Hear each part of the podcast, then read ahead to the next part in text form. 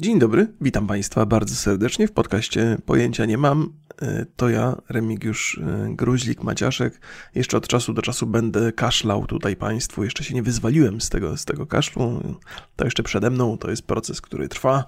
E, ale idzie ku dobremu, już się czuję nie najgorzej. Jedyny, jedyny mój ból e, ogromny to ze trzy tygodnie już chyba nie byłem na basenach, a bardzo polubiłem tę aktywność. Ona jest niezwykle wydajna, jeżeli chodzi o palenie kalorii, a przy okazji jest bardzo przyjemna.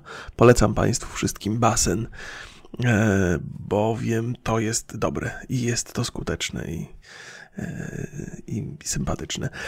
W związku z tym, że przez, przez te dwa, dwa tygodnie tak trochę się męczyłem z chorobami, to żeśmy uznali z moją żoną, że pora gdzieś w niedalekiej przyszłości wyjechać na jakiś wywczas krótki, trzydniowy.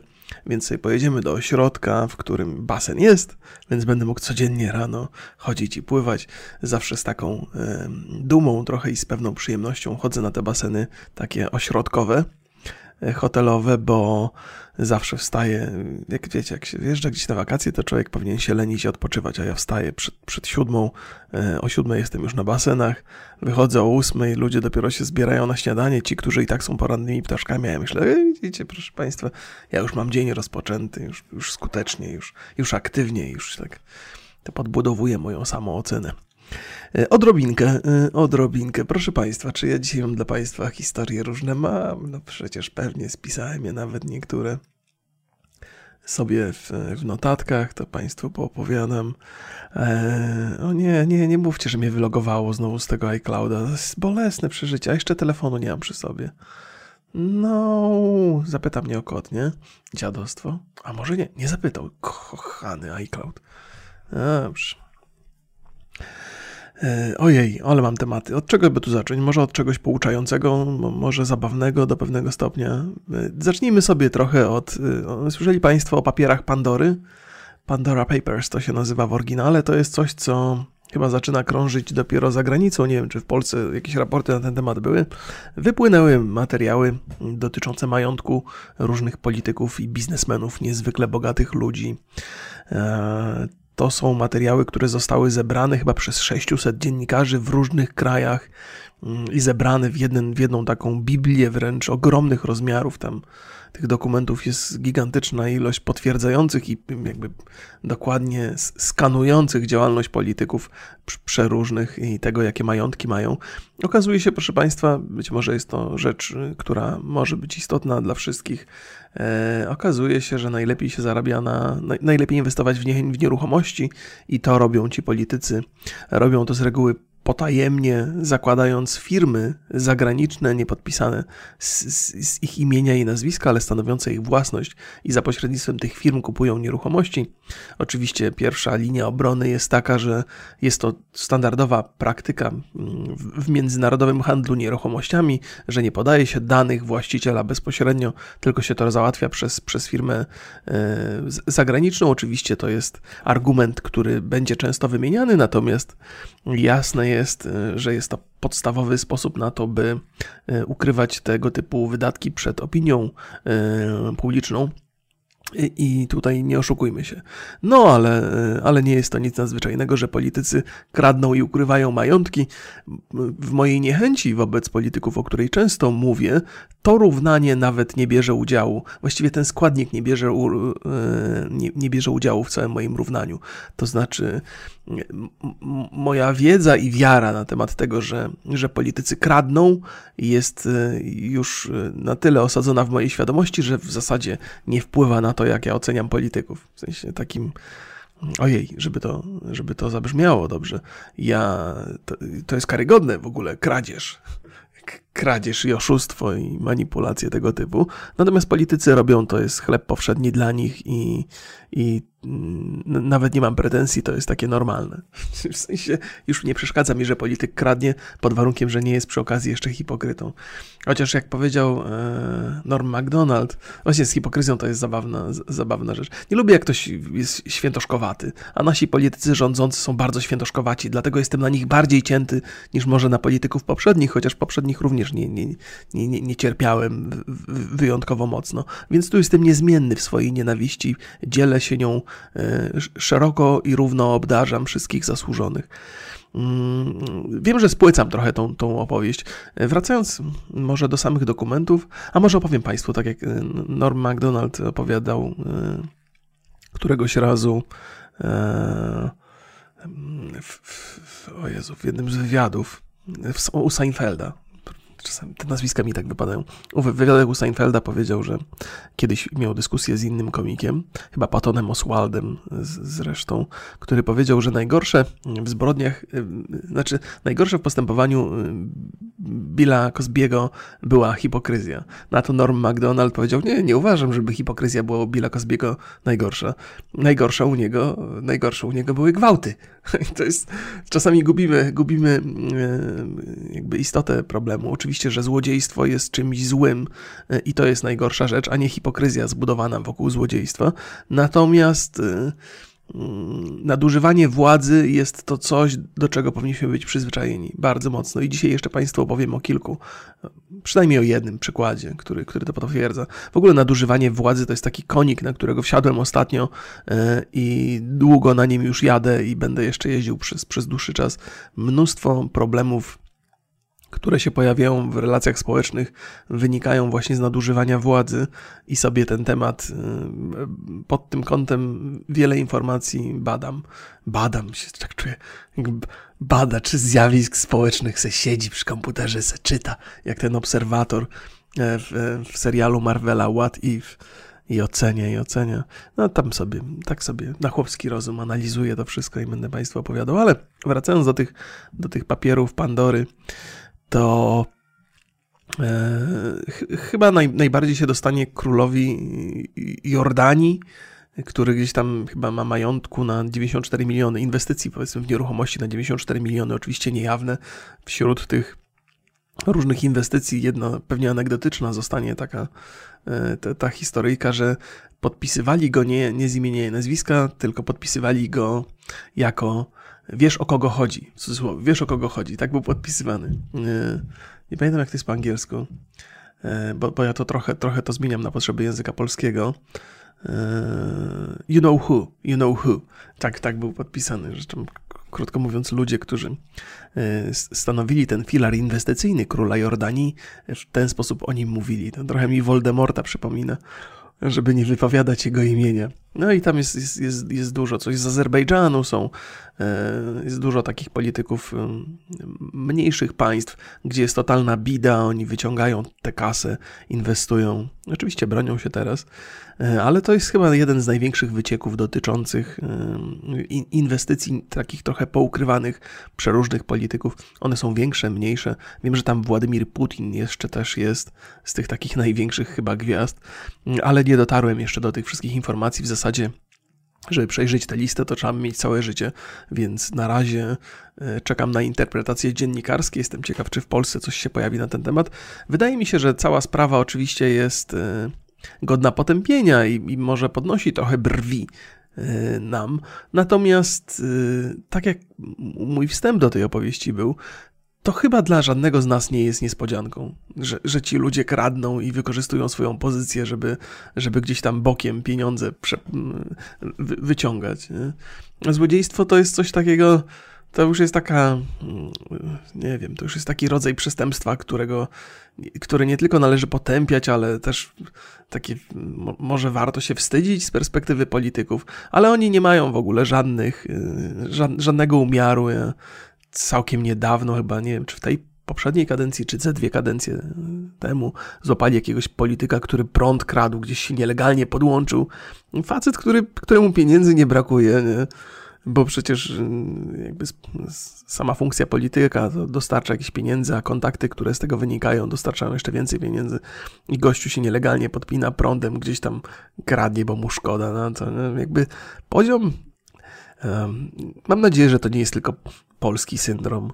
E, politycy, którzy tak, tak, takie niskie mają potrzeby, jeżeli chodzi o te kradzieże. Ja nie wiem, jak to opisać. Nie? Jest duża różnica, jeżeli kradniesz miliony. Nie? Obrabowujesz skarb państwa, to myślę sobie, okej, okay, facet jest niegodny, ale przynajmniej miał ambicje. Nie? A jak gościu kradnie prąd z jakiejś stodoły albo gdzieś, to myślę, Jezu, jak ten prostak w ogóle Kto go wybrał? Kto na niego zagłosował? To znaczy, jeżeli on jest na takim poziomie, to na jakim poziomie są ludzie, którzy, którzy się dali wkręcić w jego. W sensie, jaki może być poziom jego manipulacji, tej propagandy, kłamstwa, tego wyborczego? Do, do jak niskich musi to trafić? No nie wiem, może, może mądrych ludzi też się da oszukać takim cwaniactwem. Cholera wie. Nie mam pojęcia. Muszę się napić. Dzisiaj bez kawki. No, więc, więc jeżeli Państwa interesują te, te rzeczy, takie, takie wycieki, to proszę śledzić informacje. E, będą się pojawiały pewnie teraz mm, wybiórczo przedstawiane e, sylwetki różnych polityków i ich przeróżne inwestycje. Tak to wygląda. No ale jakby z, z, z, e, z punktu widzenia takich szaraczków jak my, no to jeżeli nam się uda odłożyć jakiś pieniądz, no to warto zainwestować w nieruchomość. Na to wygląda, skoro politycy i tak e, mają co do e, instytucji nieruchomości jakieś zaufanie, to może i my też możemy mieć. Cholera wie, jeżeli coś pozytywnego można z tego z tego uzyskać. Ja jeżeli chodzi o moje inwestycje w przeszłości i obecnie, no to jeżeli mam jakieś nadwyżki finansowe, to też inwestuję w nieruchomości. No to chyba ma sens. No nawet jeżeli sytuacja, nawet taka, jak jest jakaś duża inflacja, czy, czy dzieją się rzeczy niedobre gospodarczo, no to posiadanie nieruchomości jest zawsze do pewnego stopnia korzystne. Nawet jeżeli ta nieruchomość straci na wartości, to wartość, która będzie w danym momencie, jak to ładnie opisać, w ogóle mamy teraz taką sytuację na rynku, że nieruchomości idą cały czas w górę. To, to, to, mi się wydaje, że to jest jakaś bańka, która musi pęknąć prędzej czy później, więc teraz trochę się powstrzymałem przed inwestycjami, obserwuję sytuację na rynku. Natomiast e, te, te nieruchomości, które posiadam, one tam ładnie, ładnie, ładnie, sobie pracują na siebie, ale wydaje mi się, że to gdzieś pęknie i, i, i zacznie to wszystko gwałtownie spadać, ale cholera wie, nigdy nie wiadomo, jak to jest z tymi bańkami, nie? Co, co, co, co na to wpływa, e, co to reguluje. Zważywszy na to, że politycy mm, bardzo, bardzo aktywnie inwestują w nieruchomości, to też mogą mieć bardzo silne silną potrzebę, by ten rynek nieruchomości za wszelką cenę utrzymać na wysokim poziomie, więc inwestujcie tam, gdzie złodziej inwestuje, bo jeżeli złodziej ma wpływ na rynek inwestycyjny tego rodzaju, no to wiecie. nie wiem, czy to jest, nie wiem, czy to są rozsądne argumenty. Nie, nie udzielałbym Państwu żadnych rad inwestycyjnych. To nie, to nie, to nie jest w ogóle moja działka, ja się tym nie zajmuję. E, coś po prostu trzeba z oszczędnościami robić, nie ma sensu ich trzymać na koncie. Nie? Takie jest moje przemyślenie. I po drugie, chciałem powiedzieć, że też tych inwestycji nie ma jakoś szalenie du dużo, żebyście Państwo nie, nie wyrobili sobie taką opinię, że jestem jakimś magnatem. Inwestycyjnym, czy coś. O, tam po prostu mam parę złotych, to, to gdzieś, tam, gdzieś tam je zamrożę w nieruchomości. Tyle. Nie chciałem o sobie opowiadać, co to w ogóle ma być za historia o sobie. Hmm. Dobrze. E, to teraz tak. E, to teraz z, z takich rzeczy luźnych, ale, ale które są zapoczątkowane pewną potwornością. Mm, e, często, często różni stand-uperzy amerykańscy są, są częścią moich opowieści z, z, kilku powodów. Raz, że, że to stanowi taki element popkultury, który jest mi bliski, ja go obserwuję bardzo mocno. Druga sprawa, jest też taka, że najpopularniejsze podcasty amerykańskie, przynajmniej w moim mniemaniu, to są podcasty robione przez, przez stand-uperów, więc też siłą rzeczy, oprócz tego, że jestem bliski ich twórczości, to też gdzieś tam ich życie jest dosyć bliskie mi i blisko mnie. Nie bliskie mi, tylko blisko mnie bardziej, no bo słucham na co dzień. E, jeden z moich ulubionych facetów z tego, z tego radosnego grona e, to jest Tom Segura. To opowiadałem o nim parę razy. To jest taki komik e, hiszpańskiego pochodzenia. I on e, razem z żoną prowadzą e, po pierwsze podcast, po drugie oni już mają chyba taką, e, taką, taką firmę, która się zajmuje produkcją podcastów. To jest coś, co ja też dla siebie gdzieś tam widzę w tym przyszłość także dla siebie, ale na razie się nie angażuję w to, bo, bo robię podcasty sam. Boże, jestem znowu potwornie prześwietlony, ale to chyba na YouTube'a nie pójdzie, więc co tam Państwo się na pewno nie przejmują. Co najwyżej ja oślepnę trochę wcześniej niż powinienem. E, no, więc, więc prowadzą sobie na YouTubie taki, taki, mm, mają taki kanał, się nazywa Your Mama Podcast chyba, Your Mom, albo Your Mama Podcasts, e, Your Mama Productions. Muszę to sprawdzić. E, I tam w ramach tego, w ramach tego podcastu jest, w ramach tej instytucji, Your, your Mom Mom's House. No Boże, nie, nie wiem, co ja w ogóle wymyśliłem. Your, Mom, e, Your Mom's House e, podcast. E, on to prowadzi chyba przede wszystkim z żoną, z Krystyną Pażnicki. Ona też jest, też jest stand-uperem i też miałem okazję oglądać jej stand-up. Wyjątkowo zabawna para i taka mm, z, z, brutalnie szczera wobec siebie, wobec swoich potrzeb, włącznie z seksualnymi. Ostatni podcast, jaki słyszałem, po prostu byłem w szoku, jakby, jakby poziom poziom naturalizmu, który towarzyszy opowieściom o ich relacji, jest, jest, jest niezwykły i też jest odświeżający. To jest taka szczerość niezaprzeczalna, absurdalna wręcz, ale taka wyzwalająca trochę.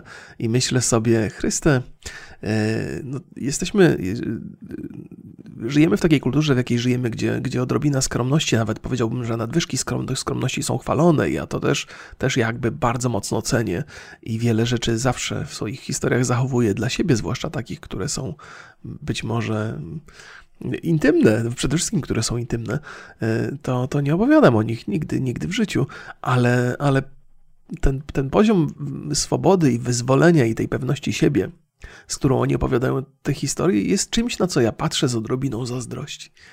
Jakby, no z jednej strony doceniam, doceniam tę potrzebę skromności i do, jakby rozumiem naszą kulturę, ale z drugiej strony to jest nie, nie, niezwykle musi być nie, niezwykle musi być wyzwalające móc opowiedzieć o wszystkim i nie bać się, że spadną na nas jakieś, jak, jakaś gigantyczna krytyka.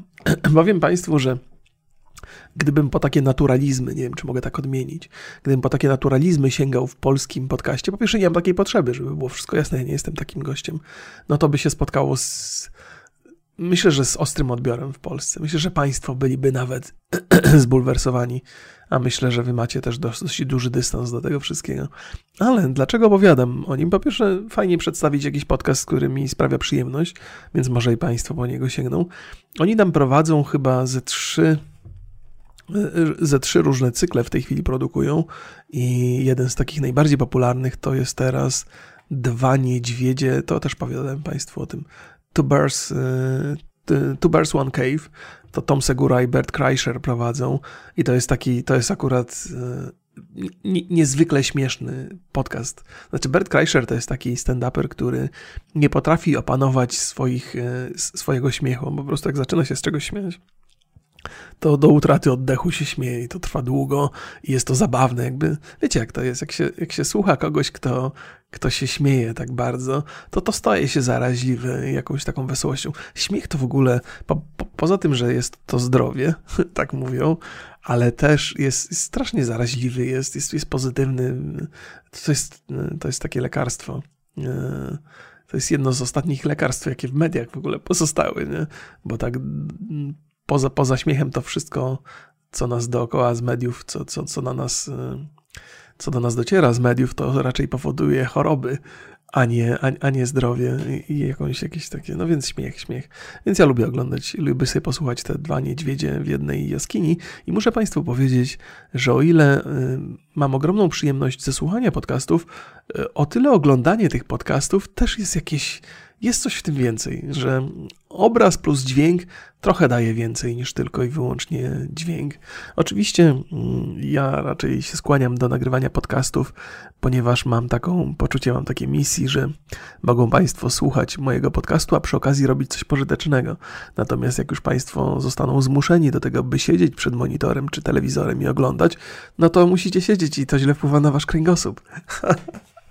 Mówię to zupełnie szczerze, pośród różnych przemyśleń na temat tego, co ja robię, jest to jedno właśnie takie, że że jest szansa, że ktoś teraz z Państwa jest na spacerze, albo gdzieś biega, albo robi jakieś rzeczy po prostu w domu i może sobie spokojnie posłuchać. I dostaję od Państwa maile potwierdzające to, więc mam takie poczucie, że, że oprócz tego, że robię coś, co, co jest dla mnie przyjemne, to państwa też, państwo też nie cierpią na, tej, roz, na, tej, na, na, tego rodzaju roz, rozgrywce, rozrywce, rozrywce. No, ale z, zmierzam do takiej historii z tym, z tym, z tym Tomem Segurą. E, to jest taka historia właśnie pouczająca. Otóż ten facet, e, który się nazywa Tom Segura, miał wypadek całkiem niedawno, może niedawno, tak z pół roku temu, chociaż w internetach to czas szybciej leci, więc może być trochę dłużej. Otóż on z, z Bertem Kreischerem mieli takie nazwijmy to challenge'ami, czyli wy, wykonywali jakieś takie e, sportowe rzeczy, nie jakieś niezwykle mocno obciążające, to nie były jakieś tam skoki na bungee, czy jakieś, jakieś ekstremalne sporty, no po prostu, nie wiem, rzucanie piłki do kosza, na jak, do jakiej wysokości ob, obręczy możesz wsad zrobić i tak dalej, to są biali faceci, tam po 40, chociaż Bert Kreischer jest chyba trochę młodszy, a może nawet koło 50, już teraz nie, nie, nie, też nie kojarzę. Czas w internecie szybko płynie. No, powiedzmy, że to są faceci średnio w moim wieku. No, jeden jest chyba młodszy, drugi jest starszy. I to w ogóle fajnie jest pooglądać sobie takich facetów w moim wieku. Oni też obaj mają brody. E, Tom Segura jest, jest, jest tak siwieje podobnie do mnie i łysieje podobnie do mnie. To nie jest tak, że ja tam szukam podobieństwa za wszelką cenę, ale generalnie e, faceci w moim wieku E, są inni w, w, mediach, zwłaszcza publicznych, bo są eleganccy, wygoleni, kulturalni w garniturach i elokwentni, a to te, te dwa wariaty to są takie, bardzo, bardzo mi podchodzi, bo oni e, mają dużo swobody, dystansu do siebie, humoru i takiego, jest w nich dużo takiego męskiego świństwa, ale nie takiego toksycznego świństwa, tylko takiego, takiego świntuszenia, e, które, które ja lubię, w sensie nie czynności, ale takich, takich rozmów. E, no, ale zmierzając do mojej historii, podczas tego challenge'u e, Tom Segura się jakoś tak fatalnie pośliznął, że, że pośliznął się i przewrócił, złamał coś w biodrze, coś w nodze, coś w kolanie, coś w łokciu i w ramieniu i w barku. Był, to straszny był wypadek. Ja nigdy, to nie jest coś, co ja musiał kiedyś oglądać na własne oczy, ale Joe Rogan w swoich podcastach pokazywał to wielokrotnie. Wziął mnie z zaskoczenia totalnie. Jak ja to zobaczyłem pierwszy raz, to mówię, nie, to jest, to jest, to jest to jest masakra, co ten Tom Segura sobie tam zrobił. Jest człowiek, który przed chwilą próbował wsadzić piłkę do kosza, po prostu leżał jak, jak, jak worek kości i mięsa, bezwładnie, nie, źle ułożony, ręka skierowana w niewłaściwą stronę. Ja dzisiaj, dzisiaj o tym mówię trochę trudno mi o tym mówić inaczej niż z humorem, ponieważ za każdym razem, kiedy są wzmianki na ten temat, to opowiadają o tym jego przyjaciele, stand-uperzy, jego żona. Dzisiaj na taką e, na rozmowę jego żony z Bertem Kreischerem trafiłem właśnie taką 13-minutową o tym wypadku i ona opowiada o tym i płacze. Z drugiej strony Bert Kreischer też, e, też, też o tym wspomina z bólem, ale ale też zaczyna się śmiać, oni zaczynają się śmiać. To jest taki fantastyczny obraz tego, jak dobrze można sobie poradzić z, z czymś okropnym i jak bardzo humor w tym pomaga.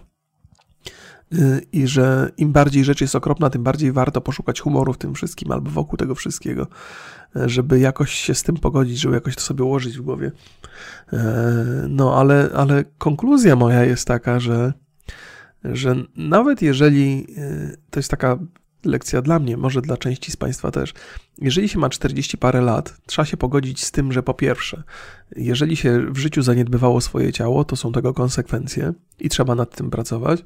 Po drugie, nawet jeżeli się wypracuje już dobrą kondycję i sprawność, to trzeba pamiętać, że nie ma się już 20 lat. Nawet jeżeli się osiągnie na przykład, nie wiem, wyniki w bieganiu takie same jak, jak się miało 15 lat, to wcale nie znaczy, że potrafimy skakać, yy, przewracać się, robić jakieś salta, yy, jak, jak wieku, jak wieku tam parunastu lat. To jest coś, co już nam umknęło i, i to nie wróci. Znaczy, mogłoby teoretycznie wrócić, ale nasze ciała są słabsze, kości są słabsze yy, i, i, to się nie uda.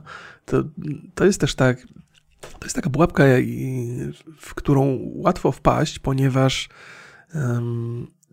nasze ciało, nasz mózg trochę przegapił ten moment, kiedy my żeśmy się zestarzeli. I mam za każdym razem, kiedy, kiedy podchodzę do płotu e, jakiegoś, to, to przypomina mi się, jak przechodziłem przez ten płot, jak byłem dzieciakiem, praktycznie przeskakując przez niego swobodnie. Nie, że tam, ale tam robiłem jakieś takie fikołki przez, przez płot. Nie wiem, jak to Państwu powiedzieć. To jest tak, że się łapie płot po drugiej stronie ręką i przerzuca się nogi górą. I za każdym razem, jak, jak e, to mi się nieczęsto zdarza, mam płot na działce, nie? To nie jest tak, że przeskakuję przez ten płot, ale myślę, że bym szybko przeskoczył przez ten płot, gdyby było trzeba. Gdyby mnie dzik na przykład gonił. Ale, ale nie, to nie, nie ma opcji w ogóle. Ciało mi podpowiada, że spoko, zrobimy to, ale jak się nad tym zastanowię, to mówię, nie, nie, nie, nie, nie, skończysz jak tą Segura właśnie.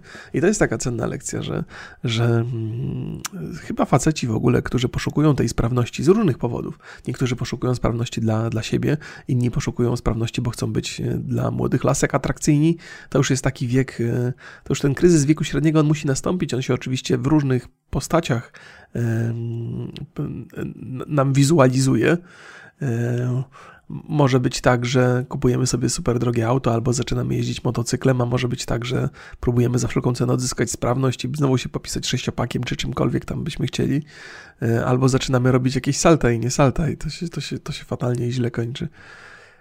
No, no, więc, więc to, jest, to jest cenna lekcja, by się nie pchać w aktywności tego rodzaju. Moim takim trochę marzeniem jest pobić mój rekord z biegania na kilometr. Ja miałem chyba 12 albo 13 lat na, na zawodach. Startowałem, wygrałem zawody w biegu na 1 kilometr w Bolesławcu jeszcze. Miałem wtedy wynik 3,33. I to musiałem mieć, to było przed, chyba w piątej klasie to było. Piąta klasa to jest ile? 12 lat? 12, 12, 13 lat w tych, w tych okolicach. Miałem wynik 3,33, to, to powiedziałem. Yy, I chciałbym go powtórzyć gdzieś tam kiedyś, ale wiem, że przede mną długa, długa droga yy, i też się nie spieszę, powolutku, powolutku. To nie jest jakiś oszałamiający wynik, w sensie dla dorosłej osoby to powinno być do osiągnięcia. Yy, wtedy dla mnie, dla dzieciaka to był, było. No, pozwoliło mi to wygrać zawody, ale, ale no to, to nie jest, nie jest jakiś jakieś tam super osiągnięcie.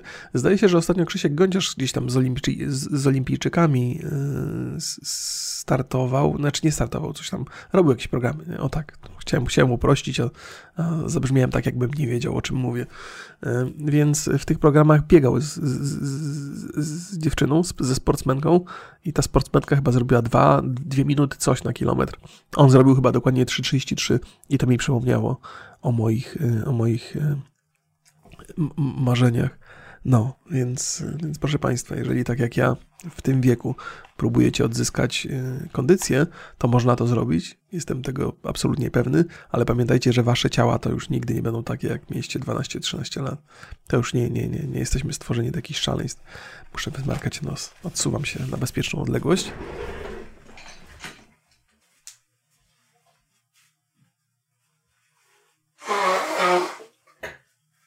Wiem, że to nie jest bezpieczna odległość, ale stoję totalnie w kąciku pokoju. I, i tak. W ogóle bez sensu. Jakieś absurdy to, co ja robię. Powinienem wyciszyć mikrofon, ale.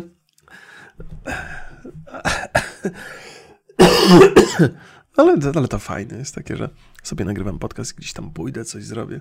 Jakbym już szedł siku na przykład, to bym, to bym raczej wyłączył. Hmm. E, dobra, o widzę, widzę, widzę, że mam. E, wyświetliłem sobie ten banner e, Your Mama House Studios podcast. Oni mają cztery programy: Bears One Cave, a może nawet więcej: Where's My Mom's At, Your Mama House, Tom Talks i Dr. Drew After Dark.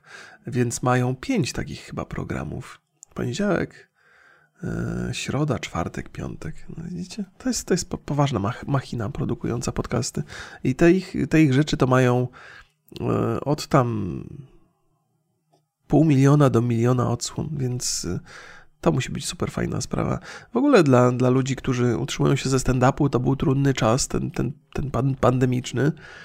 Więc y, to, że, że ruszyli z podcastami tak sobie w Ameryce, to jest bardzo, bardzo fajna rzecz. Y, ja nie wiem, co stand-uperzy w Polsce robią, na co oni czekają. Czy nie obserwują trendy w ogóle? Czemu nie ma polskich takich y, stand-upowych podcastów? Ja to bym chętnie zaprosił jakichś stand-uperów do siebie na, na, na, na rozmowy. Muszę gdzieś chyba puścić słowo w świat. Fajnie byłoby pogadać sobie, sobie z ludźmi. Ale to musiałbym, to musiał coś nowego wymyśleć. Ale już mnie tak kręci. Dlaczego nasi stand-uperzy są tak zacofani pod tym względem? Że oni, jeżeli chodzi o poziom komedii, to sobie radzą doskonale. A może robią podcasty, tylko ja o tym nie wiem. To też, też powinienem być może sobie poobserwować. Warto obserwować ten rynek amerykański nie dlatego, że to jest takie kultowe, czy, czy be, bezmyślnie trzeba naśladować i powtarzać, ale to jest taki, jako że ich popkultura jest na tyle silna, to, to, to po angielsku to się nazywa ripples, mm, czyli jak, jak wrzucicie do wody kamień, to on tak y, tworzy takie promienie, nie? No więc, więc y, ta amerykańska popkultura jest jak taki kamień wrzucony do wody i te, te promienie się rozchodzą na cały świat i wpływają na cały świat. Więc ta nasza popkultura, niezależnie od tego, co byśmy o niej mówili, staje się trochę kopią amerykańską, więc te zachowania osób, które są zaangażowane w media, w tym przypadku akurat stand-upy, mogą być, y, mogą naśladować trochę tamte i na pewno też się spotkają w Polsce z pozytywnym odbiorem. Y, no, no, więc, więc o, o, o tej obserwacji mówię w kontekście Ameryki, y, ale też, żeby robić coś swojego. Zresztą obawiam się, że jeżeli chodzi o kopiowanie Ameryki, to my w Polsce mamy tę skłonność, która jest akurat niezdrowa. Te programy telewizyjne, które są z, z, reguły wymyślone gdzieś za granicą, nie tylko w Ameryce. Trochę tak, jakbyśmy kreatywności zostali pozbawieni sami tutaj. Ale może są też polskie teleturnieje. No nie będę opluwał telewizji, po co? Po co? Ja, ja nie jestem uczestnikiem i widzę zbyt często, więc, yy, więc co ja tam wiem? Yy, mam tylko takie, takie, takie, takie wrażenie. E, z, z, z, z, informacji plotkarskich Disney i Scarlett Johansson się dogadali w kwestii, w kwestii pozwu, by Państwu przypomnieć tę historię. Taki robię follow-up, bo o tym opowiadałem. Scarlett Johansson pozwała Disneya za to, że e, film e, Czarna Wdowa pojawił się równolegle w kinach i na platformie Disney+, ponieważ ona miała umowę, że część zysków trafi bezpośrednio do niej, natomiast te zyski zostały rozmyte, ponieważ część widzów oglądała film na platformie VOD, a stamtąd, stamtąd zysków ona już nie mogła czerpać, więc pozew był jak najbardziej zasadny, trochę, trochę takiej złej krwi pewnie tam przepłynęło, w pierwszych chwilach Disney się odgrażał bardzo mocno, że już nigdy więcej Scarlett Johansson nie wystąpi w produkcjach. W ogóle takie dziecinne grożenie. Ja nie wiem, czy to czasem dziennikarze nie, nie sprokurowali takiej informacji. Wiecie, jak to dziennikarze lubią napędzać takie, takie historie, ale może to było. Nie, zawsze mnie rozbraja, kiedy takie duże instytucje zachowują się w tak nieprofesjonalny sposób i, i ogłaszają jakieś takie, jesteśmy dzisiaj na ciebie, od dzisiaj jesteśmy na, obrażeni jesteśmy na ciebie od dzisiaj i już więcej cię nie zatrudnimy. A dziewczyna, znaczy Scarlett Johansson miała jak najbardziej, miała jak najbardziej podstawy, by ten pozew e, wytoczyć Disneyowi, jeżeli w umowie było napisane, że film będzie tylko w dystrybucji kinowej i ona dostaje jakiś procent, bo to wpływa na jej zarobki, nieważne jakie wysokie by były, umowa jest umowa. Disney złamał tę umowę, no i teraz się dogadali. Nie wiemy jak się dogadali ostatecznie, ale e, komunikat ze strony Disneya jest taki, że, że doszło tam do porozumienia i nie mogą się doczekać na, do, nie mogą się doczekać, jeśli chodzi o dalszą współpracę ze, ze Scarlett Johansson. Z, z rzeczy ciekawych, które Państwu powiem być może w ramach tego tych filmów Marvela to jest taka, że e, Shang-Chi jest, jest sporym sukcesem, on się bardzo dobrze ogląda, on nie był dostępny na Disney+. E, natomiast Wdowa, myślałem, że Wdowa to jest taki, taki rodzaj, że to raczej Czarna Wdowa nie, nie, nie zainteresuje ludzi tak bardzo mocno, ale jednak zainteresowanie było spore. Ten, ten weekend otwarcia był większy niż w przypadku Shang-Chi. Niestety to zainteresowanie spadło natychmiast po tym, jak Disney Plus zaoferował Wdowę w, w, tam w, na swojej platformie. Więc tam widać jakiś taki gwałtowny spadek e, zainteresowania i rezultat jest taki, że w kinie Czarna Wdowa zarobiła mniej.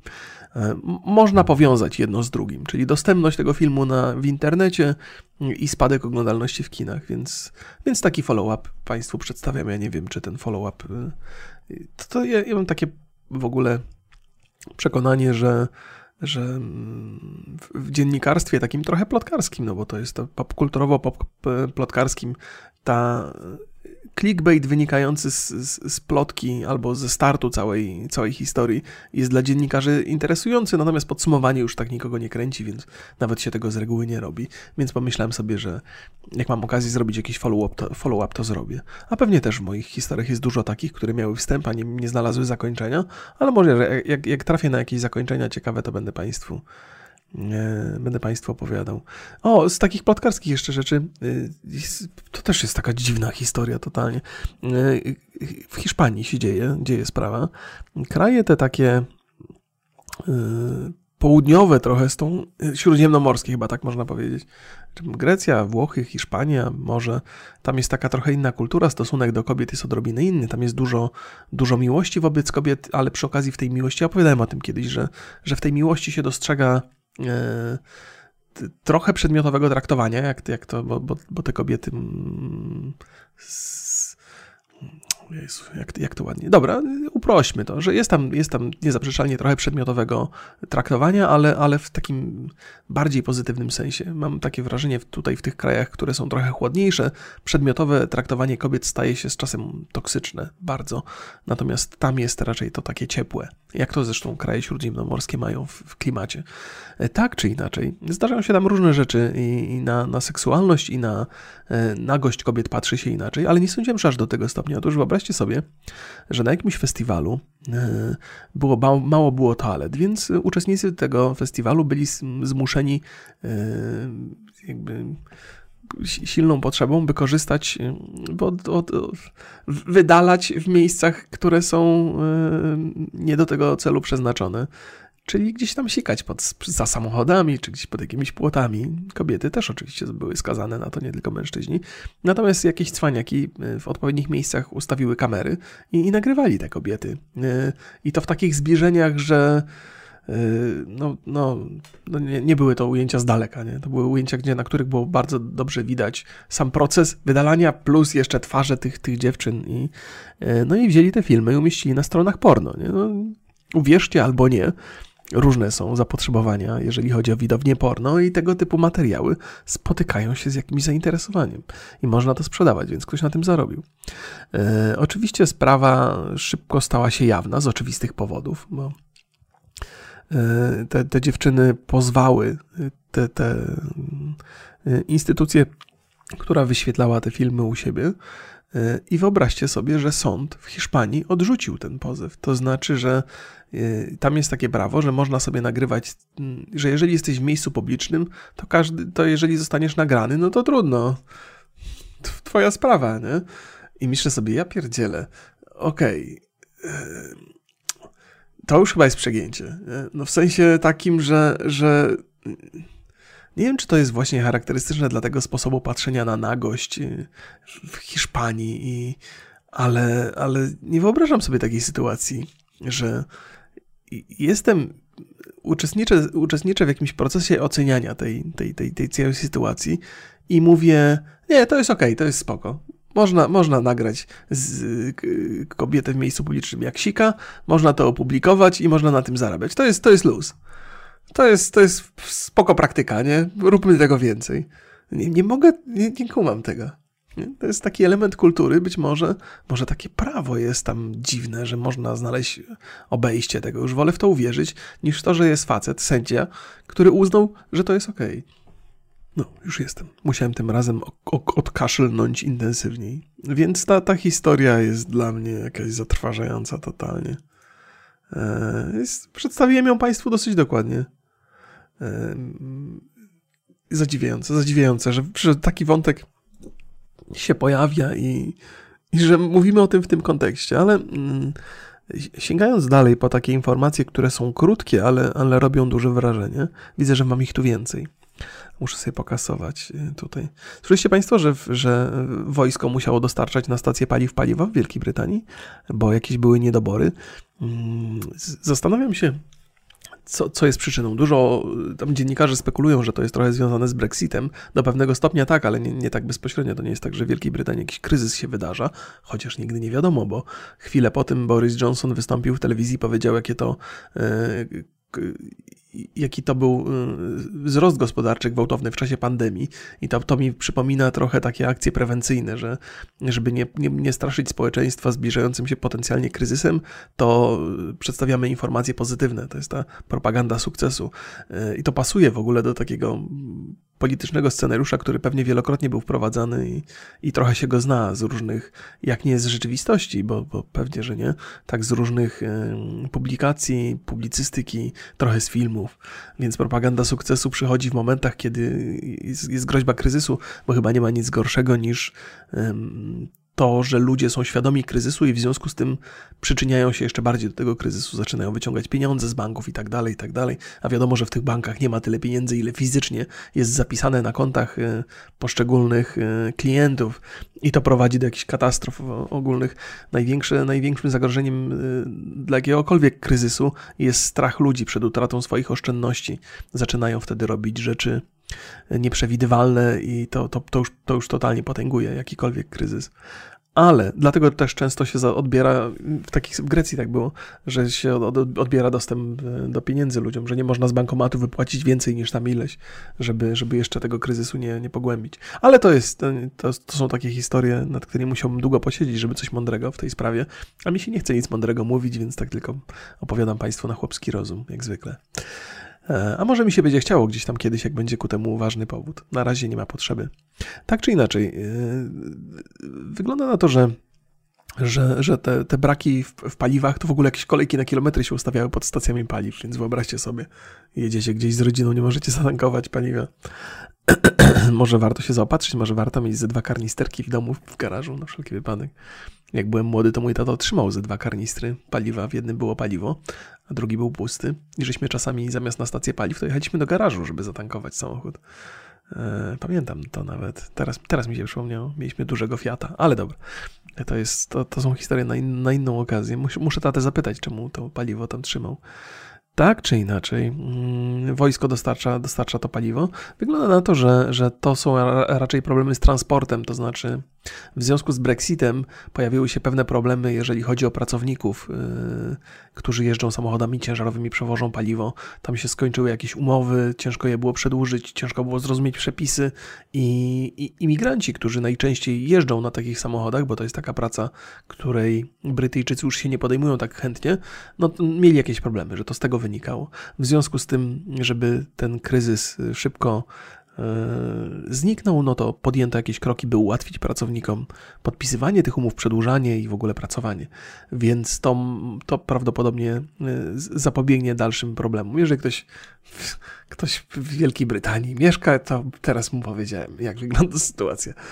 Oczywiście to wszystko jest interpretacja dziennikarzy, właśnie przedstawienie dziennikarzy, więc może być różnie, nie? Ostatecznie nie wiadomo, jak tam się dzieje. Kolejki pod stacjami paliw to nie jest, to nie jest ciekawy widok, to nie jest, to nie jest zapowiedź krainy miodem i mlekiem płynącej, no ale wyjaśnienia wydają się sensowne, więc E, na razie, na razie możemy w to chyba uwierzyć, tym bardziej, że ja tutaj mieszkam i większość z Państwa w Polsce, więc to w ogóle jest raczej bardziej jako ciekawostka niż jakaś historia, która wymaga zmartwienia i przygotowywania się na nadchodzącą katastrofę.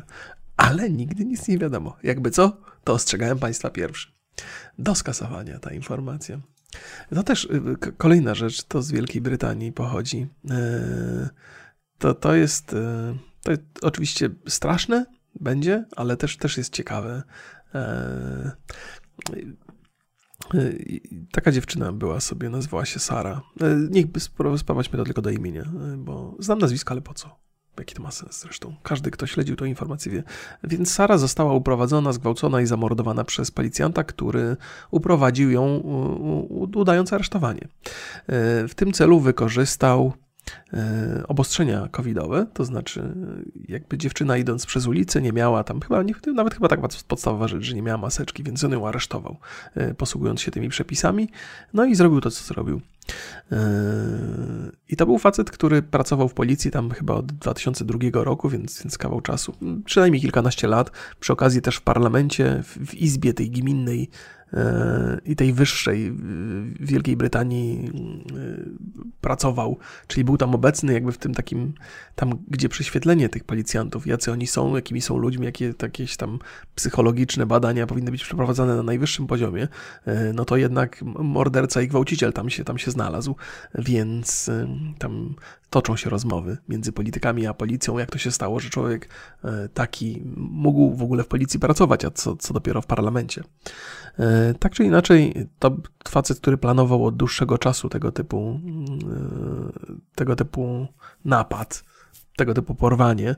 E, I wszystko miał już, więc, więc tam, tam to nie było przypadkowe, to był element premedytacji, tak to było napisane w artykule, że on po prostu od jakiegoś czasu już miał wszystko przygotowane, miejsce, gdzie się to dokona, trasę, którą musi po, pokonać, miał przygotowane teoretycznie jakieś tam alibi i sobie jeździł po, po, po Londynie i, i, szukał ofiary. No i w końcu znalazł jakąś. Nawet byli świadkowie tego, tego uprowadzenia, tego aresztowania, ale uznali, że to jest legitne aresztowanie, więc, mm, więc nie zwrócili uwagi nawet, nie, nie zgłosili nigdzie.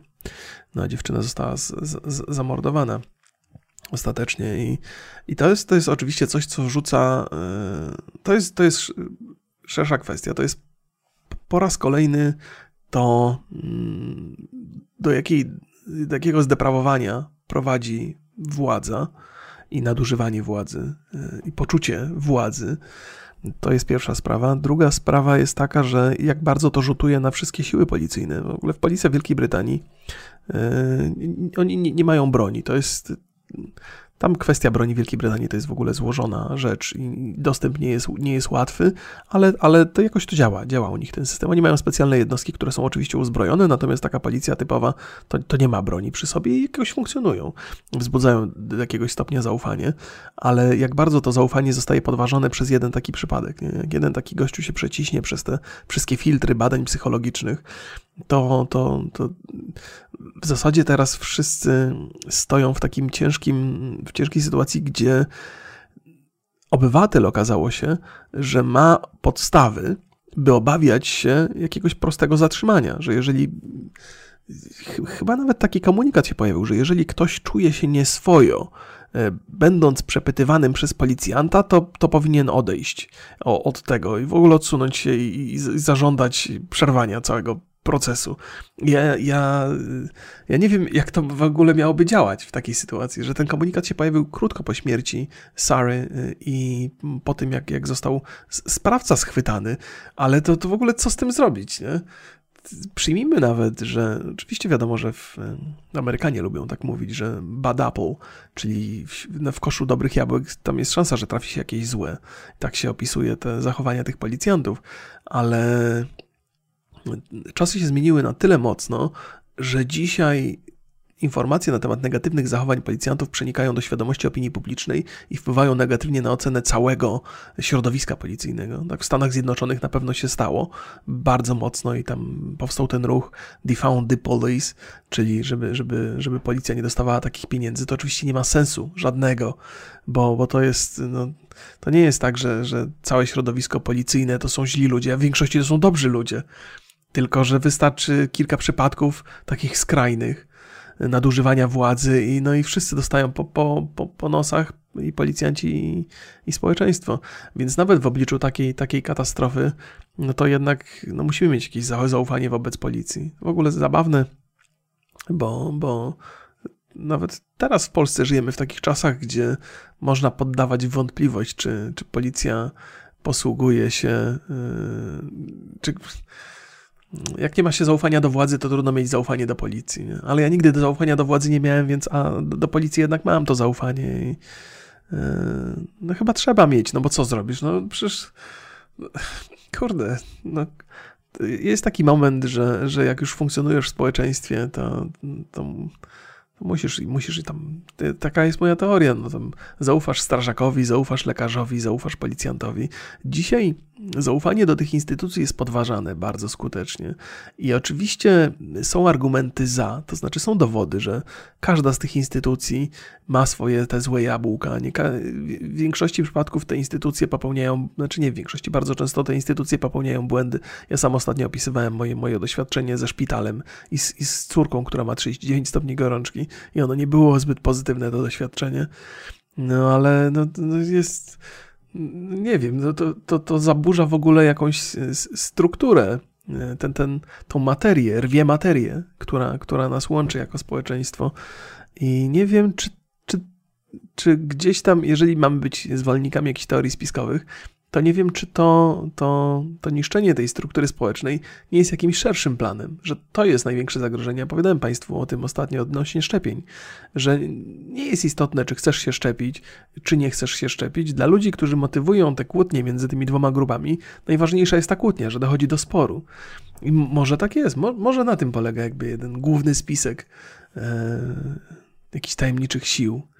Może żebyśmy byli skłóceni na, na, na możliwie każdym poziomie, a jak już jesteśmy skłóceni, to przy okazji, żebyśmy nie mieli żadnego zaufania do lekarzy, żadnego zaufania do, do, do policji. Trudno podważyć zaufanie do strażaków, to się chyba jeszcze nikomu, nikomu nie udało.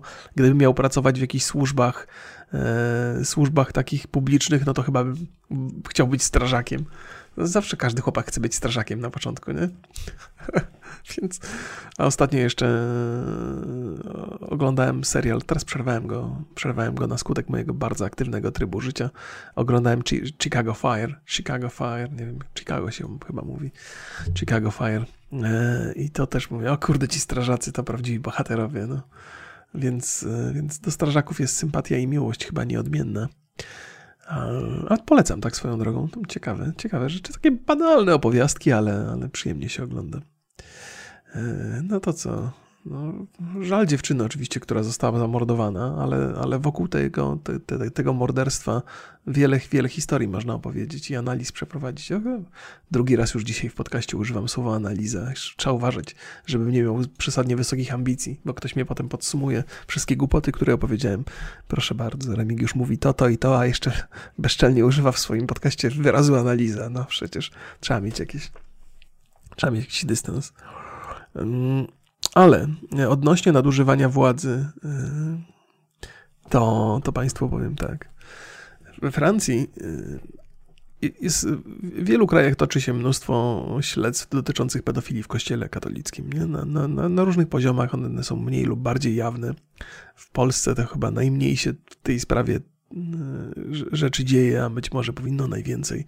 Pal licho.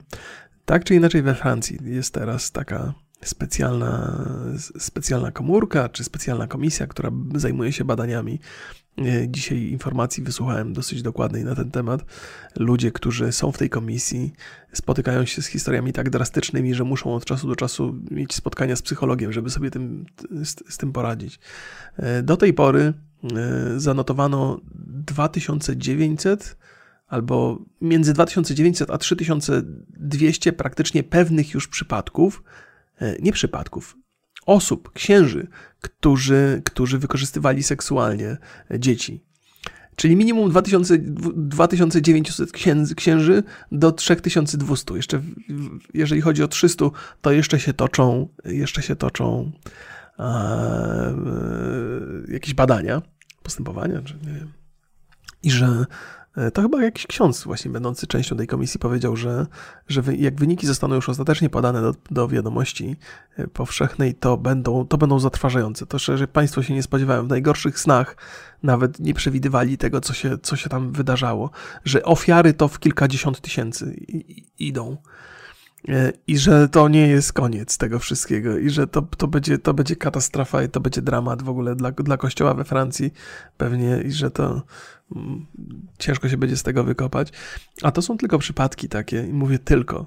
To są przypadki, które, gdzie są księża, którzy no, wykorzystywali dzieci seksualnie. Natomiast są jeszcze księża wokół tego całego procederu, którzy ukrywali to wszystko. Jakby cała ta siatka przestępczości, która została zbudowana wokół pedofilii w kościele, jest niezwykle skuteczna i niezwykle ogromna. Yy, dlatego ja mam, dlatego ja wobec, wobec kościoła stosuję tutaj odpowiedzialność zbiorową. To znaczy, dla mnie każdy ksiądz, ja wiem, że to jest bardzo kontrowersyjne, ja parę razy to mówiłem, każdy ksiądz, który dzisiaj jest częścią Kościoła, jest współwinny tego wszystkiego, bo to, to jest nie wiem, no nie, nieważne. No, no, no, będzie, jak już mówię, mo, moja niechęć do kościoła to minęła mi z, z, z, czasem, ale no czasami zdarzają się takie sytuacje, że, że, no, że, że zwala mnie trochę z nóg. To jest też tak, że Kościół ma pewien autorytet i stając się częścią jego, stając się przedstawicielem Kościoła, dostajesz ten autorytet w gratisie, od razu na dzień dobry. Masz tę sutannę, masz tę koloratkę i cieszysz się e, szacunkiem wiernych e, i, i, ludzi dookoła. Na księdza się zawsze patrzy trochę inaczej. Nawet w, moim, w mojej świadomości, mimo wielu negatywnych rzeczy, jest trochę szacunku wyciągniętego z domu wobec księży. Niezasłużonego. Nie? Dostają, dostają to światło e, od razu na dzień dobry, ale to ma pewnie nie prawo działać w drugą stronę. Jeżeli Kościół robi rzeczy złe, niezaprzeczalnie, obiektywnie złe, to, to nieważne, czy ty w tym uczestniczyłeś, czy nie, to też dostajesz głównym z, z, z, tego, bo takie są konsekwencje. Jeżeli z otwartymi ramionami przyjmujemy to, ten bycie autorytetem na dzień dobry, no to też z otwartymi ramionami musimy to gówno przyjąć, którym zostaniemy ochlapani, jeżeli Kościół robi coś złego. I teraz, żeby wszystko było jasne, ja mam. Nie, nie postrzegam tego jako problem Kościoła katolickiego. Pewnie tak, ale to zaraz Państwu powiem dlaczego. Dlaczego jakby postrzegam to jako kolejny problem potwierdzający, do czego prowadzi władza i do jakiej deprawacji, do jakiego zdeprawowania prowadzi posiadanie władzy. I to jest jakby ten, ten konik, o którym wspomniałem, że, że Amerykanie już budując swoją konstytucję, tam lata, lata temu, budując państwo, zawarli tam jedną bardzo ważną ideę. Tam było dużo ważnych idei, ale jedna taka, która jest dla mnie imponująca, zwłaszcza wtedy, że konieczność kontrolowania ludzi, organów posiadających władzę przez obywateli jest y, niezaprzeczalna, że, że, że jeżeli ktoś ma władzę, to musi być kontrolowany na wszelkie możliwe sposoby. Instytucje kontrolujące, ludzie kontrolujący władzę są bardzo, bardzo potrzebni, bo już wtedy, budując tę Amerykę przysłowiową, to nie, nie autentycznie Ameryka, ale za każdym razem, kiedy mówię Ameryka, to mam wrażenie, jakbym mówił kraj cudowny, mlekiem miodem płynącym, to nie pod tym kątem. Ale, ale ktoś tam kiedyś wiedział już, że człowiek, który uzyskuje władzę i władzę zwłaszcza na takim wysokim poziomie, e, prędzej czy później w jakiś sposób, e, jeżeli nie będzie kontrolowany, ta władza go zdeprawuje, bo, bo taka jest ludzka natura. To samo się dzieje w kościele i ta, ta władza jest taka jakby dlaczego te, to też są takie spekulacje trochę, ale chyba oparte na, na, na sensownych przesłankach. Dlaczego Kościół mógł to robić? Dlaczego może to robić? To ukrywanie księży, którzy, którzy, e, którzy są pedofilami. Dlaczego to się tak odbywa skutecznie? Dlatego, że Kościół ma autorytet. Autorytet powoduje, że ma wpływ na politykę. W sensie, nawet jeżeli Kościół nie, nie, uczestniczy w życiu politycznym, co w Polsce oczywiście nie ma miejsca, to, to politycy muszą uważać na to, co tam się dzieje, muszą trochę się Kościołowi przypodobać. E, bo, bo parę złych albo dobrych słów wypowiedzianych z ambony może mieć drastyczny wpływ na wyniki wyborcze. Politycy o tym, o tym wiedzą doskonale. Kościół też doskonale o tym wie i dlatego Kościół może sobie pozwolić na, na, na robienie rzeczy takich w ukryciu. E, I ten autorytet, najgorsze w tym wszystkim jest to, że podtrzymanie tego autorytetu dla Kościoła jest najważniejsze. Nie liczy się tam dobro wiernych czy dobro dzieci czy nawet dobro tych księży, którzy nie, nie, nie ulegają takim praktykom, tylko liczy się autorytet, autorytet Kościoła. I dla polityków też się liczy ten autorytet. Oni potrzebują tego autorytetu. Jeżeli jest instytucja, którą można wykorzystać politycznie, no to ważne, żeby ona, ona miała ten autorytet i funkcjonowała. Są chyba, jest, jest chyba kilka dróg. Jest jedna taka, gdzie się idzie ramię w ramię z kościołem i ukrywa się te, te świństwa, albo się kościół totalnie niszczy i, i, pozbawia się go tego autorytetu. Za komuny było to niszczenie kościoła, co okazało się bardzo nieskuteczne. Ja w ogóle jestem przeciwny niszczeniu wszystkiego, e, czegokolwiek jestem za e, przeciwny, jakby celowe niszczenie czegoś. Jeżeli ludzie mają potrzeby takie religijne, to, to mają je i koniec, nie? Ale jestem też e, totalnie przeciwny ochronie przestępców i to, i to takich nie? przestępców, którzy mogą poprzez tę ochronę wielokrotnie popełniać te same przestępstwa, tylko w innych miejscach na świecie, w innych parafiach. To jest, to jest, to jest straszliwa zbrodnia. I ostatnio mało było o tej, o tej pedofilii w kościele, tu zwłaszcza w Polsce, chociaż e, coś tam ostatnio był jakiś konflikt między bra, bratem chyba biskupa Janiaka a prymasem. E, dobrze mówię biskup Janiak, żebym źle nie powiedział, bo ale mniejsza z tym. To był taki biskup, który został oskarżony i odsunięty trochę od sprawowania urzędu, bo został oskarżony o ukrywanie pedofilii. Więc jeżeli mylę nazwisko, to proszę mnie skorygować i proszę nie traktować tego super serio. Mam nadzieję, że tu się nie pomyliłem. E, więc, więc to się pojawiło ostatnio w Polsce, natomiast to we Francji to, to zaskoczyła mnie ta, wzięła mnie ta informacja z zaskoczenia, bo słuchałem sobie różnych informacji z całego świata i nagle to mnie, to mnie uderzyło. Mm. I wiecie co? Powiedziałem gdzieś we wstępie, że nie oskarżałbym Kościoła katolickiego tak bardzo o to, że bardziej mnie tutaj, e, bardziej mnie tu zastanawia ta, ta, ta, ta, kolejne potwierdzenie o tym, jak bardzo władza deprawuje e, i że trzeba to kontrolować za wszelką cenę. To jest w ogóle i wydaje mi się, że w innych religiach, w innych kościołach, w innych miejscach na świecie dochodzi do tych samych sytuacji, zwłaszcza jeżeli mamy do czynienia z jakimś celibatem, bo celibat trochę niedobre rzeczy robi w, głowie człowieka. I ten celibat, który jest dobrowolny, i ten celibat, który jest wymuszony. Mm, opowiadałem Państwu ostatnio, że sobie badam trochę tematy tych y, inceli. W Wielkiej Brytanii był, był taki przypadek, że facet zastrzelił sześć osób z, z, z, z ze strzelby. E, no i okazało się, że on właśnie od, od, odgrażał się od długiego czasu, że miał duże problemy z, w relacjach z, z, kobietami, że nie mógł nawiązać żadnej relacji e, i to powodowało jego niezwykłe frustracje. Okazuje się, że takich przypadków jest kilka, to znaczy, że te masowe strzelaniny e, często są zaangażowani w nie, ludzie, w nie ludzie, którzy mają dokładnie te problemy. Mają problemy w relacjach damsko-męskich, nie są w stanie nawiązać relacji z kobietą, są odrzucani, są, są prawiczkami albo są właśnie e, inselami, czyli, czyli, czyli mają ten, ten taki celibat wymuszony. E, I w Wielkiej Brytanii nie wiem, czy się rozważa, czy już ostatecznie jest to uznane e, za, za czy, czy już jest przyjęta taka, taka strategia, że, że ludzie, którzy się zrzeszają e, w, w, w grupy, a są przedstawicielami właśnie Inseli, to te, tego typu organizacje są traktowane jako potencjalnie terrorystyczne, że tam może dochodzić do aktów właśnie jakichś, jakichś e, e, agresji i, i przemocy wo, wobec innych ludzi i to, to, jakby to nie są moje obserwacje, bo ja nie znam za bardzo środowiska Inseli tak, bo jak. Natomiast, natomiast czytam, jak policja na to reaguje, zwłaszcza po, tym, po tej strzelaninie Wielkiej Brytanii, bo strzelaniny Wielkiej Brytanii chyba się nie zdarzają tak często. Znaczy takie masowe, masowe, masowe mordy. E, więc dobrze to powiedziałem, to się nazywa masowy, mas, masowy mord? E, mass shooting to się nazywa, masowa strzelanina. Nie wiem, jak to się tłumaczy na język polski. Może nigdy nie będę musiał wiedzieć, jak się to wymawia po polsku i dobrze by było, gdybym nie musiał tego wiedzieć. No, więc proszę Państwa, kiedyś jak się było inselem, e, to się to nazywało powołanie. Ja trochę to obracam w żart, ale serio. To się szło do, do, do zakonu i tyle. I, i. Oczywiście pewnie nie wszyscy tak mieli, nie? Ja może poszedłem za daleko. Mo, może idę za daleko w, w tych, tych teoriach, ale yy to jest jakby problem, problem w, relacjach damsko-męskich to nie jest coś, co da się załatwić. Da się załatwić, nie wiem, e, odrzucając w ogóle relacje damsko-męskie, totalnie rezygnując. Tym, tym ludziom, jakby to, że pedofilia w kościele jest, e, jest do tego stopnia obecna, to pewnie do pewnego stopnia wynika z tego, że ci ludzie są zagubieni, ale oni są też jakby, tam jest jakiś, następuje jakiś niedorozwój seksualny.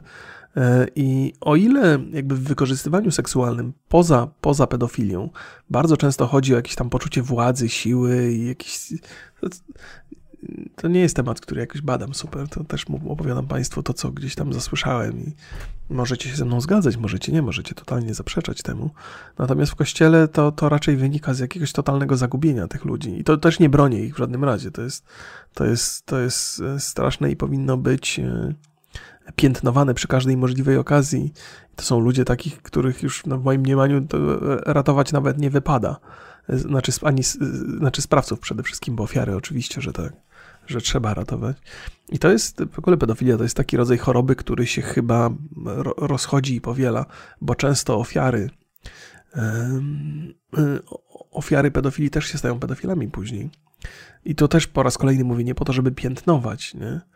ale żeby, żeby przebadać tę historię, to jest ofiara staje się sprawcą często w takiej sytuacji diabli wiedzą czemu. No to może też jest jakiś ludzki, ludzki czynnik w, w, tym, w tym wszystkim. No ale to też, e, przepraszam, jeżeli Państwa sprowadziłem na, na, na przykre, e, w przykre rejony. E, no trudno, żebym, nie będę mówił, że nie taki był mój cel, bo, bo taka jest historia i trudno, żebyście Państwo mieli w związku z tymi historiami jakieś pozytywne skojarzenia, więc wiedziałem, co robię. No ale, ale jest, jest to rzecz warta wzmianki, wydaje mi się. Będę sobie, przy, będę się przyglądał tej, tej historii we Francji, bo zaskoczyło mnie to. Nie wiedziałem nawet, że tam jest jakaś komisja taka. E, zobaczymy. O, Jezu, dobra, już, już zmierzając w takie bardziej radosne rejony. Ostatnio powiedziałem, e, słuchając jednego z moich podcastów, złapałem się na tym, że opowiadałem, że moja żona Ostatnio jak kupiłem odkurzacz bezprzewodowy, to cały czas przy każdej możliwej okazji odkurza i to zabrzmiało tak nawet w moim odbiorze, jakbym taki typowy facet, co siedzi tutaj przy komputerze, a żona tam zasuwa i sprząta w kuchni. To, to nie jest tak i chciałem się od razu usprawiedliwić, że ja też mam swoje odkurzanie.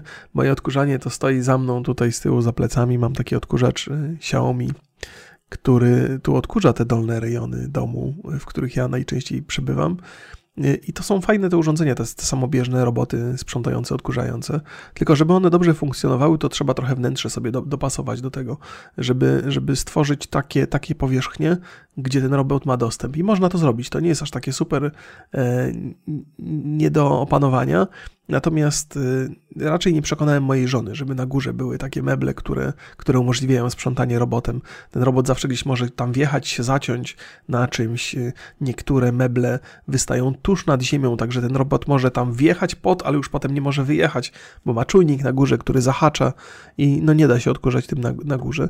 Więc ja sobie tutaj, y, co prawda nie odkurzam ręcznie, ale sobie tak wnętrze urządziłem, żeby móc ten odkurzacz co jakiś czas puścić i mam tu czysto i wysprzątane, więc ja też, też odkurzam. To nie jest tak, że moja żona została skazana na tutaj jakąś pracę, pracę domową, a tak zabrzmiałem tam, trochę, to się aż trochę przestraszyłem, że mnie nikt nie ochrzanił z tego powodu. Shame on you. Shame on you. A więc y, tak.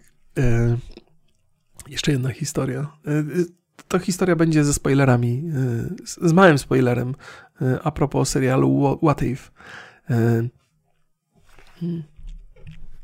Dobra, powiem Państwu, kiedy będzie, bo to jest fajna, myślę, że to jest fajna opowieść, a, a hmm, jak będzie już ten spoiler, to Państwa uprzedzę, żebyście, jak ktoś nie oglądał. Chociaż to nie jest taki spoiler, który, który to, to nie jest taki spoiler, który rujnuje historię. To jest taki spoiler, który ocenia raczej sposób opowiadania e, historii przez Disneya. Więc wstępnie, What If, to, What If to jest serial, który został, to jest serial animowany, Świetne, świetne zresztą animacje, bardzo, bardzo, bardzo, bardzo ładnie zrobione. To chyba jakiś, to, to chyba się nazywa cel shading, ale nie taki klasyczny cel shading, że widzimy czarne ramki, tylko to opisuje raczej sposób, w jaki są oświetlone postacie, jaki to jest rodzaj grafiki, I, ale to musiałbym dokładnie przestudiować, co, co, ale wydaje mi się, że to się mieści w ramach cel shadingu, takiego bardzo nowoczesnego, zaawansowanego. Świetnie to wygląda, świetnie jest zrobione. E, e, to, jest, to jest taki super bohaterski serial na, na Disney Plus, który opisuje e, historię bohaterów naszych, znanych z naszej rzeczywistości, z naszych komiksów, ale w odrobinę inny sposób. To znaczy, jakby zarzewiem tej całej historii jest fakt, że mamy do czynienia nie z jednym uniwersum, tylko z multiversum, czyli różnymi, różnymi y, odbiciami naszego uniwersum, y, bardziej lub bardziej zbliżonymi lub, lub y, skrajnie innymi.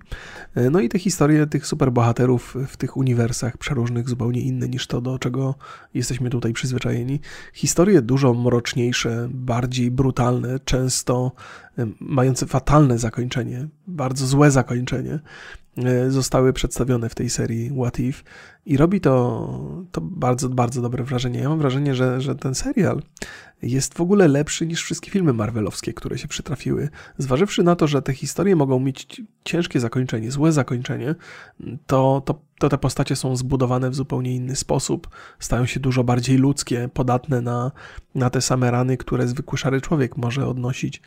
E, i podatne na podstępy, na, na porażki w wyniku podstępów, więc to jest wartościowa rzecz z perspektywy kina superbohaterskiego, to jest trochę inna rzecz, ale chciałem Państwu opowiedzieć o tym, w jakiej formie to jest przedstawiane. Otóż mamy do czynienia z taką istotą, obserwatorem to się nazywa, on jest narratorem całej opowieści. To jest facet, który siedzi sobie w jakimś takim tajemniczym miejscu i obserwuje te różne uniwersa i opisuje nam je, przedstawia nam je. On jest z reguły wstępem do opowieści i podsumowaniem tej opowieści. Jest oczywiście taki głos, który jest rozpoznawalny, mocny, silny, E, i, opowiada to i taki neutralny bardzo. Mm, często wspomina o tym, że mógłby zainterweniować, ale nie, taki jest jego, nie taka jest jego rola, nie takie jest jego mm, przysięgę złożył, że nie będzie interweniował, ale przy okazji jest niezwykle potężną i silną istotą, niepokonaną w ogóle z perspektywy tych superbohaterów, którzy funkcjonują tutaj w tej naszej e, trochę e, fikcyjnej rzeczywistości. No i on opowiada, opowiada te historie, one są czasami zabawne, czasami mm, naiwne, czasami yy, ciężkie, yy, ale w rezultacie po siedmiu odcinkach on się staje jedyną taką yy, jedyną stałą tego, tych wszystkich opowieści. Te wszystkie opowieści są takie nietrwałe, bo one się odbywają w innych uniwersach, więc wysłuchamy tej opowieści, potem możemy o niej zapomnieć. Ona nie, nie wpływa na to, jaki, jacy są ci bohaterowie u nas. Więc wszystko to dookoła jest takie pozorne, takie tymczasowe i bawimy się dobrze przy tym, a on jest jedyną stałą, jedyną niezmienną i gdzieś już w okolicy siódmego odcinka zaczynamy go traktować jako jedyną prawdę tego świata. Że to jest prawdziwa istota, wszystko dookoła to są jakieś takie niespecjalnie ważne historyjki. Fajne, zajmujące, ale niespecjalnie ważne. I w ósmym odcinku tej serii, i tu jest ten spoiler, e, ale nie, nie bez, bez szczegółów, w ósmym odcinku tej serii on staje się fragmentem historii, to znaczy on zostaje zaatakowany przez jakieś istoty i to jest ten moment, w którym ja e, się zorientowałem, że zostałem przez cały serial fantastycznie wkręcony, by uwierzyć w tą jedną stałą, czyli uwierzyć w tego, w, te, w tego, w tego czempiona, w tego obserwatora. I kiedy on został, e, został zaatakowany, to pomyślałem sobie, no to teraz już koniec, no to, to, to, to już wszystko się posypie teraz, bo to jest ta jedyna stała, jedyna wiarygodna, e, te, ten, ten narrator. To jest bardzo ciekawy zabieg z perspektywy opowiadania historii, e, bo nigdy się chyba jeszcze nie zdarzyło. Ja nie przypominam sobie takiej, takiej, żeby narrator opowieści, czy w książce, czy w serialu, czy w filmu, filmie, ni stąd, ni zowąd stał się nagle uczestnikiem e, i bohaterem. To jest, to jest ta ta wiarygodna, ta, ta stała cząstka każdej opowieści, narrator, to jest takie przełamanie czwartej ściany w nietypowy sposób, w niezwykły sposób. To nie jest tak, że bohaterowie zdają sobie sprawę z naszej obecności z widzów, z obecności widzów, tylko zdają sobie sprawę z, tej, z obecności tej istoty, która jest łącznikiem między nami a tym światem pod ogromnym wrażeniem byłem. Bardzo mi się podoba w ogóle ten, ten, ten, ten, ten serial. Ja na niego czekałem już od momentu, kiedy został ogłoszony. Nawet cieszę się, że ten Disney Plus dotarł do mnie później, bo mam okazję obejrzeć w to cało, w, w całości, a oglądanie tego w całości powoduje, że inaczej się to trochę odbiera chyba niż tak z tygodnia na tydzień. Więc y, do tej pory obejrzałem sobie pierwszy sezon Mandaloriana. Opowiadałem o tym w podcaście Rocky Borys, ale wspomnę Państwu jeszcze.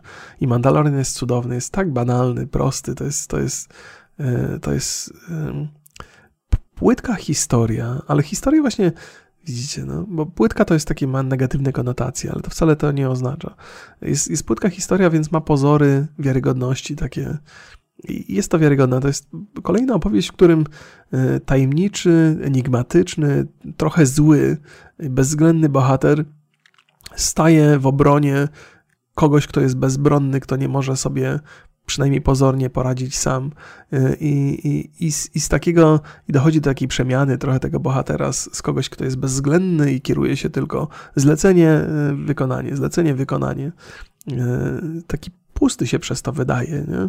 nieludzki, Na, nagle, nagle się uczłowiecza i wychodzą z niego te cechy takie i pałamy do niego ogromną sympatią. A fakt, że, że ten bohater Mandalorian jeszcze przez cały czas nosi hełm, co wpisuje się w całą filozofię tego świata Star Wars i w ogóle Mandalorian,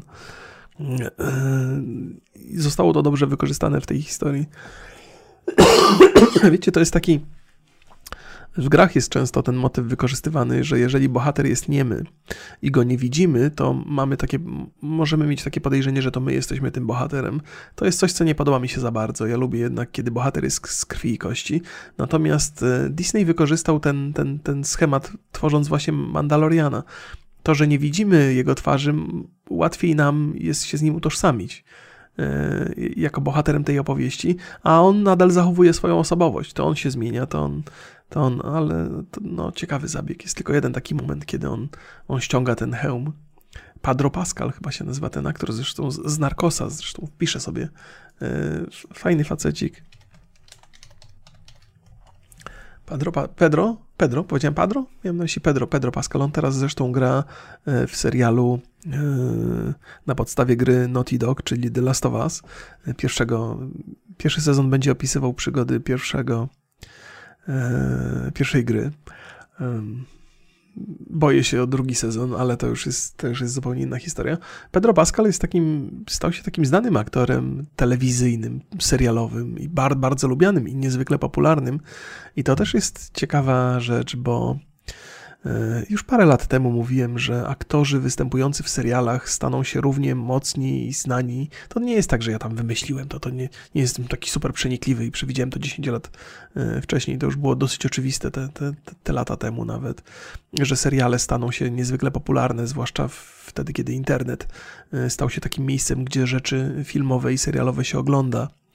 dostępność do, do tego typu usługi powoduje, że, że chcemy oglądać więcej tych seriali. Więc Pedro Pascal stał się takim aktorem serialowym. Przede wszystkim on w tym The Last of Us występuje. W, w, wiadomo, że ta, ta rola w Mandalorianie wiele dla niego musiała znaczyć, mimo że go w ogóle nie widać tam na tym ekranie. W pierwszym sezonie tylko przez, przez parę sekund. E, w Narkosie występował, to właściwie tam zbudował swój, swój, e, swoją markę, powiedzmy, tak. E, nie wiem, czy Państwo wiedzą, ale on też występował, zdaje się, w grze o Tron.